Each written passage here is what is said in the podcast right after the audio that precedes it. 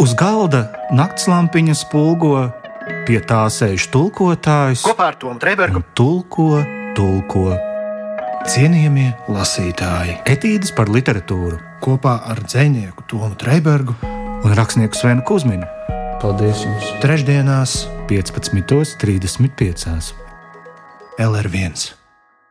Sven, kādas ir tavas attiecības ar vārdu rezignācija? Manas attiecības ar vārdu rezignācija varētu raksturot kā viegli satraucošas un pilnas visnegaidītāko pārsteigumu. Mm. Katru reizi, kad es izdzirdu vārdu rezignācija, piemēram, tas tiek izmantots pilnīgi citā nozīmē. Viņš katru reizi nozīmē kaut ko citu. Tev tāds piedzīvojuma elements tajā ir. Amerikāņu kalniņi, saproti, rezignācijas karuseļi man ir. Es atkal to uh, vienmēr esmu uztvēris kā kaut ko ļoti klusinātu, uh, subtilu, rāmu, pārdomu pilnu, bet var arī piekrist tev. Nevar nojaust, kurā nozīmē šis vārds tiks izmantots. Jā, līdzīgi kā vārdu metafizika mēdz izmantot ļoti dažādās izpratnēs. Un Paskatoties terminu un svešvārdu vārnīcā, rezignācija tiek skaidrota kā psihisks stāvoklis, kam raksturīga samierināšanās ar savu likteni, padošanās kam nenovēršamam, ticības zaudēšana saviem spēkiem, mērķiem un tam līdzīgi. Un man šajā skaidrojumā laikam visvairāk pārsteidza tā ticības zaudēšana, jo es kaut kā nebiju saist, Tas ir interesanti, jā. saistījis tieši šo skaidrojumu ar šo svešvārdu. A, var teikt, es rezignējos Atnācu no veikala, un rezignējos. uzliku uz plīts sildīties zupu un rezignējos. Jā, Sveicināti, cienījamie lasītāji! labdien! Paldies, ka esat kopā ar mums, sākot ar tulkotāju Māru Poļakovu un viņas veikumu Leonīda Dabīčina romāna Enpils latviskošanā. Esam nokļuvuši pie vēl vienas pilsētas, kurai šis burts N ir ļoti Burtiņš zīmīgs. tātad, jā. jā. Burtiņš, tā tad N. N. Pilsēta N vispār ir tāds literatūras piemineklis kaut kādā ziņā.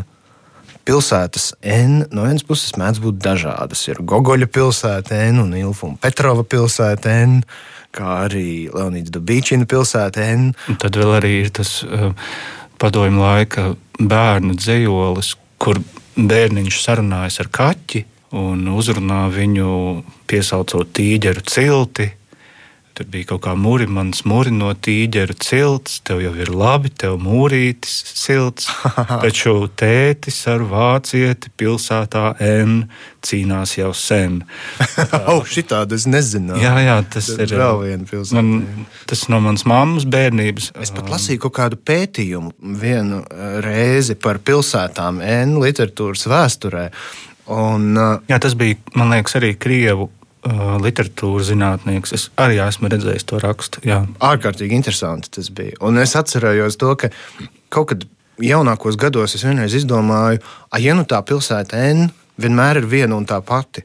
Proti, Dabīčina aprakstītā pilsēta N ir tā pati, kurā Ostaps Benders ieradās ar astrolābiju, kura pati mēra un tam līdzīgi. Un, nu, tādā gadījumā dzīslis krājums, pie kura mēs esam nonākuši, sekojot Tātad Dabīčina un Māras Paļakovas atstātajam pavadienam ir Jāņa Hvojinska dzīslas grāmatiņa Mūza no pilsētas N.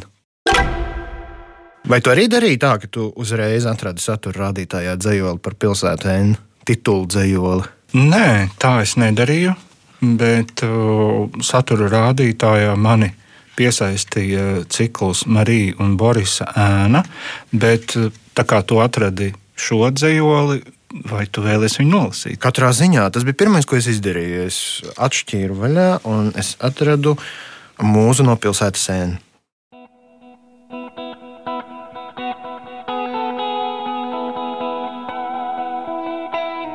Mūza no pilsētas sēna, tu staigā ar izrautu mēli.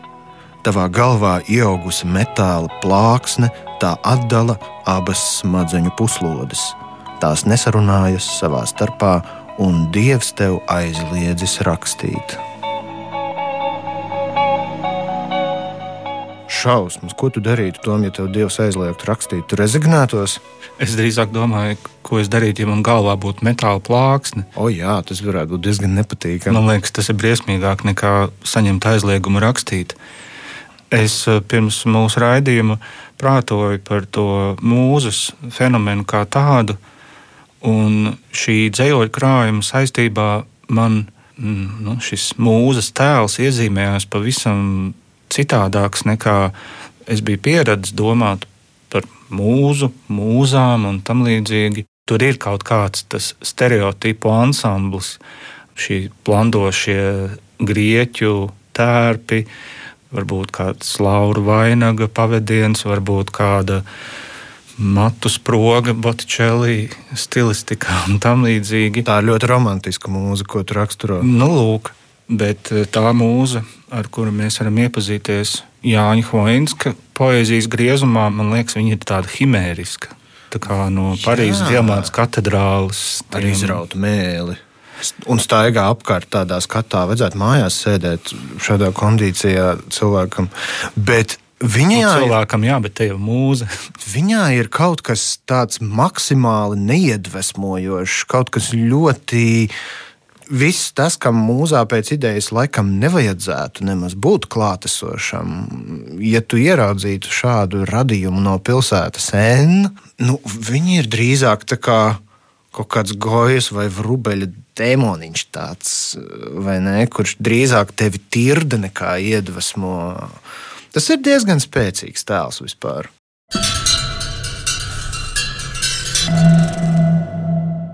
Atgriežoties pie raidījuma sākumā, izvirzītās nelielās viktorīnas, kāpēc es tev mocīju ar to rezignāciju. Jā, starp citu. Mm, jo, manuprāt, šī samierināšanās ar savu likteni un tā nenovēršamības pieņemšana ļoti spēcīga strāva šajā uh, dzējoļu krājumā. Vai tev ir kāds spilgts piemērs, jo kā gan labāk ilustrēt domu, ja ne ar dzējoli?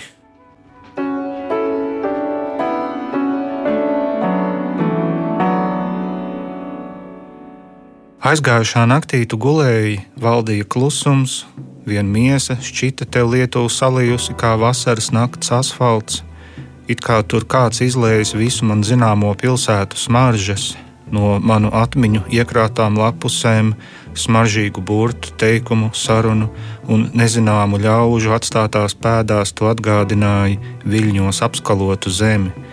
Viļņos, kuri bija tevi izglāstījuši katrs pa savam, Tu biji dzīva, tu elpoji, uzsūci un izgaroji katru šīs pasaules vielu, kura centās tevi noglāstīt un tevī ieiet, vielu, ar kuru cilvēki atrod viens otru un šķiras. Un es vairs nevarēju saprast, kas tu esi, mana sieviete vai pilsēta, kur nesājusi mani gurnos kā ķeltu aprakstītu akmeni auklā, kā akmeni, kuru pielūdzu Tā tu gulēji naktī, kad pār mani valdīja bezmiegs, un es varēju ilgi domāt, kas mēs šai brīdī esam.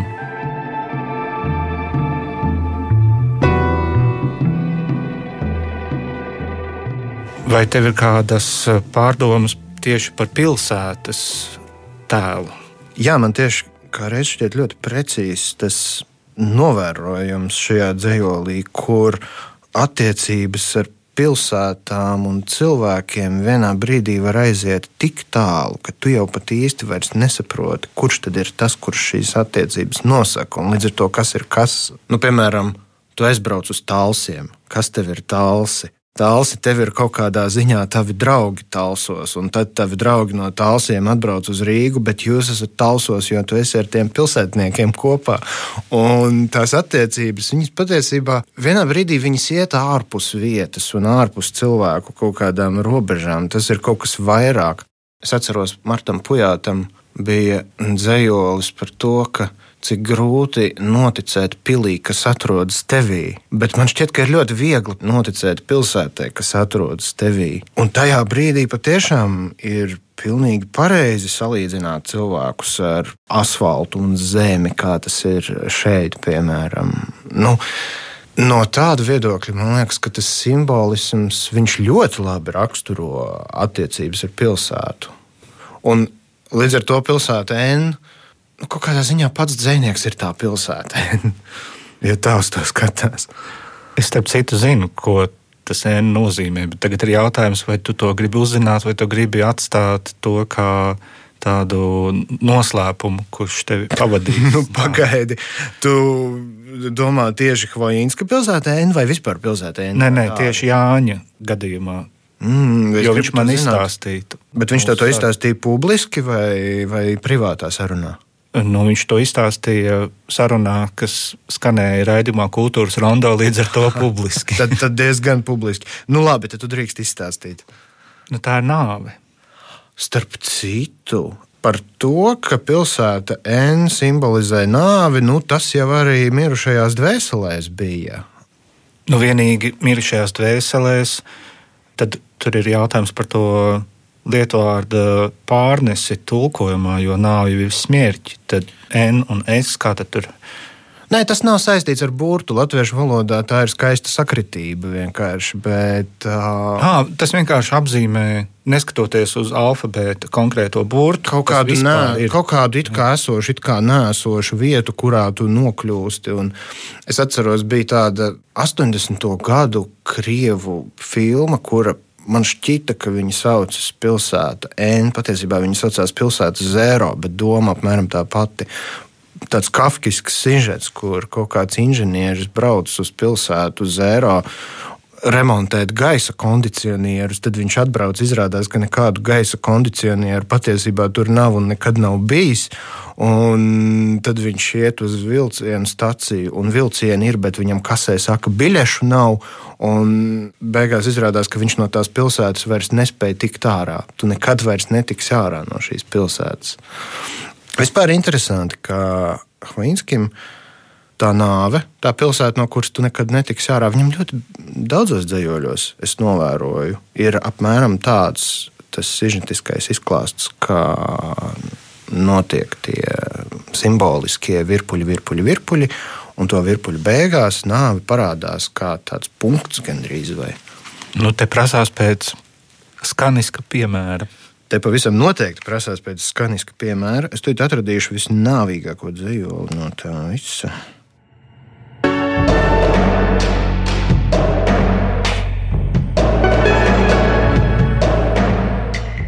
Nonākot pie Rēgu pilsētas ar dažām mirušām autostrādēm, to nepabeigtība satiekas punktā, kurš atrodas manā acī.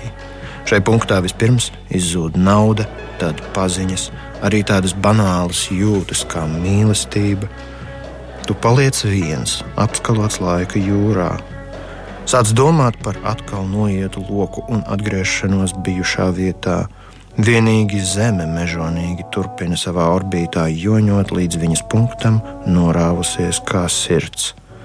Bet jūsu punkti nesakritīs nekad Ir tik ierasts vakars, nekāds un nenosakāms, kurā gribētos iesākt ko jaunu un nebijušu, uzsmēķēt ko līdzīgu opijam, vai kā romāna tēlam atstāt sevi, savu identitāti, doties uz citu pasaules malu, iesākot dzīvi no jauna, iepazīt etniski svešu sievieti, nesaprast viņas valodu un iesākt kopdzīvi dzīvot un nesarunāties, vien vērot apkārtni, to attēlojot vienā no nedaudzajiem veidiem. Vēlāk saslimt ar kādu retu un neizdziedināmu slimību, piemēram, mīlestības trūkumu, kurai tava imunitāte nespēja pretoties. Pārāk vēlu to atklāt, pārāk vēlu, lai varētu iznīcināt, un tā vienkārši, nezinot valodu, nevienam neko nesakot, nomirt svešumā.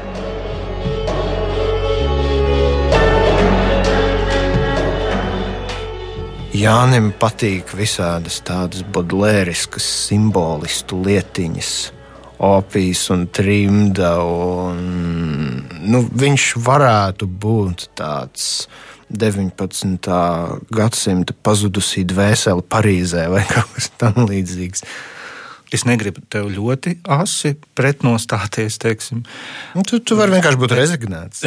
jā, rezignējies tagad. Jā, jā. Nē, man šķiet, ka jā, tur noteikti ir arī šīs intonācijas, bet man kaut kā arī liekas, ka tur ir šajā dzējā ir tāda arhitektoniska pieeja tāda asamblāžu veidošana, tādi salikumi, kuri ir nu, kā tāda sistēma, varbūt tā varētu to nodēvēt. Un iespējams, es to kaut kā speciāli pievelku klāt, zinot, ka Jāņa Hoinska izglītība ir saistīta ar um, radiosistēmu ģenerēšanu, nu, ar elektroniku.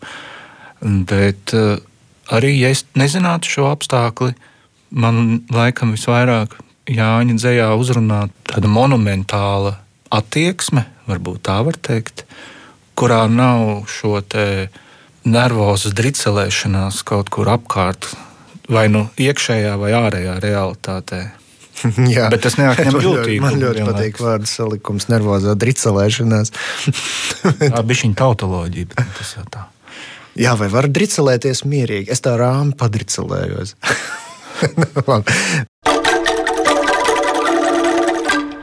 Zini, kas ir Jāņa darbos?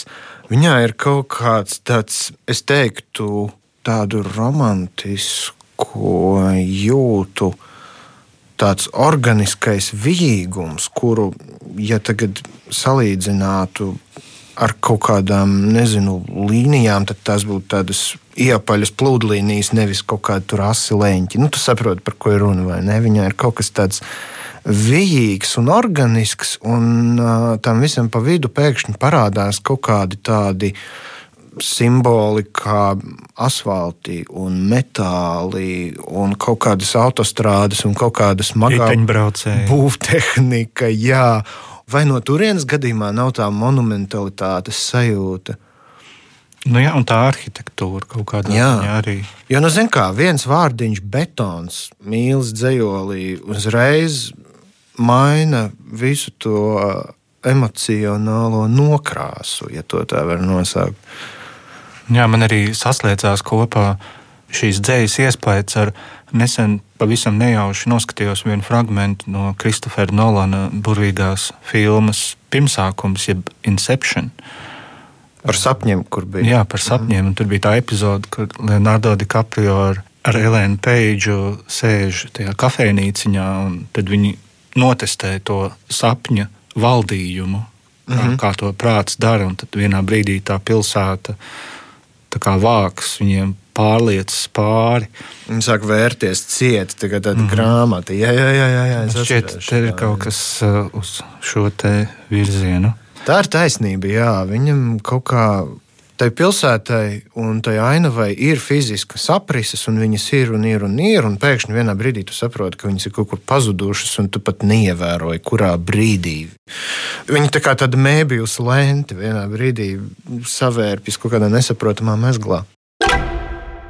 Atgriežoties pie tā, ko tu minēji par Jāņa radītā liriskā es iespējamo saistību ar teiksim, 19. gadsimta Parīzes eh, opijas mēķētājiem un tām nesaprastajām dvēselēm, kuras īstenībā pašas varbūt sevi padara par nesaprastām. Eh, es gribēju nolasīt dzējoli ar nosaukumu Janvāra Baltais kokaīns. O, lūdzam, lūdzam!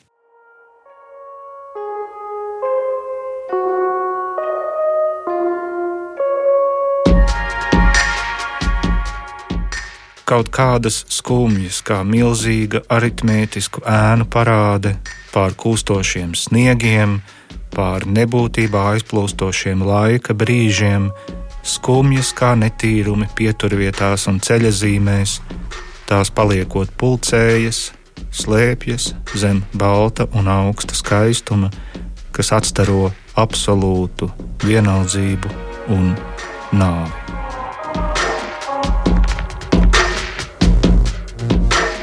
Cik brīnišķīgi ir beidzot ieraudzīt vārdus skumjas un aritmētika vienā teikumā. Tikai raidījumā cienījamie lasītāji, etīdes par literatūru. Ekskluzīvi. to jūs nedzirdēsiet nevienā citā raidījumā. Ko skolā jums nestāsta? Bet man šķiet svarīgi pievērst uzmanību tam. Tas, protams, ir jebkurā literatūrā sastopams, bet uh, tādi atsevišķo vārdu loma kopainā šeit man kaut kā ļoti, ļoti ir redzama tieši šajā grāmatā.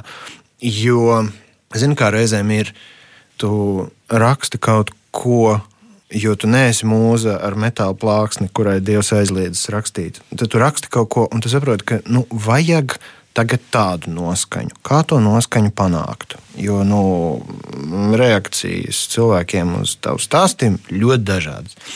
Un tad sākas tāda gandrīz vai neirolingvistiskā programmēšana, vai tāda arī, nezinu, reklāmiska padarīšana, kur domā, ok, tagad mums vajag skumju noskaņu, lietojam skumjus vārdus. Šajos teikumos tagad mēs pieminām lietas lāses uz slapja asfalta un uh, uz mūžīgiem laikiem aizslēgtas grāmatnīcas. Un, nu, ko ko tu, tu saprati ideju, vai ne? Mm -hmm. Un šajā grāmatā ļoti spilgti man šķiet redzams tas, ka nu, jā, mēs esam kaut kādā vienā asociatīvā ceļā šobrīd bet pēkšņi mums pasaka vārdu, es nezinu, vienā teikumā pasaka vārdu Sofijas un Parīzi. Un viss uzreiz mainās momentāli. Tikko tu biji uz automaģistrāles, tagad tev ir Opijas un Parīze. Un uh, tas, laikam, ir tas, kas rada to paradoxālo, mūždienu mainīgās vietas sajūtu. Jā, Kārlis Vērdiņš, komentējot Jāņa Hoinska dzēju, piedēvēja viņam gan seriālismu, tradīciju, gan arī tādu radikālo asociatīvismu. Un, nu, no tāda viedokļa ļoti pareizi, ka tu pieminēji filmu Inception par sapņiem. Jā. Nu, jā. Bet eh, tas, ko Kārlis vēl uzsvēra un kam es absolūti piekrītu, ir tas, ka Jāņa Hoinska eh, dzējā tēliem nav tā pašvērtīguma, eh, nu, viņi nav iemesti kā kaut kādā arēnā un tad nu, cīnieties savā starpā. Ja? Viņi kaut kādā ziņā izpelnās savu realizāciju, nevis nāk jau realizēti. Tā varētu to nosaukt. Bet ar tēliem tu domā nevis obligāti cilvēkus, bet um, vispār tēlēnās izteiksmes formas, kas parādās šeit, vai ne? Uh, nu, es drīzāk domāju ar tēliem tos uh, dzējoļu elementus, kuri uh, virza uz priekšu stāstījumu. Mm, jo te nav daudz cilvēku. Patiesībā cilvēki lielākoties te ir divi liriskais varonis un būtne.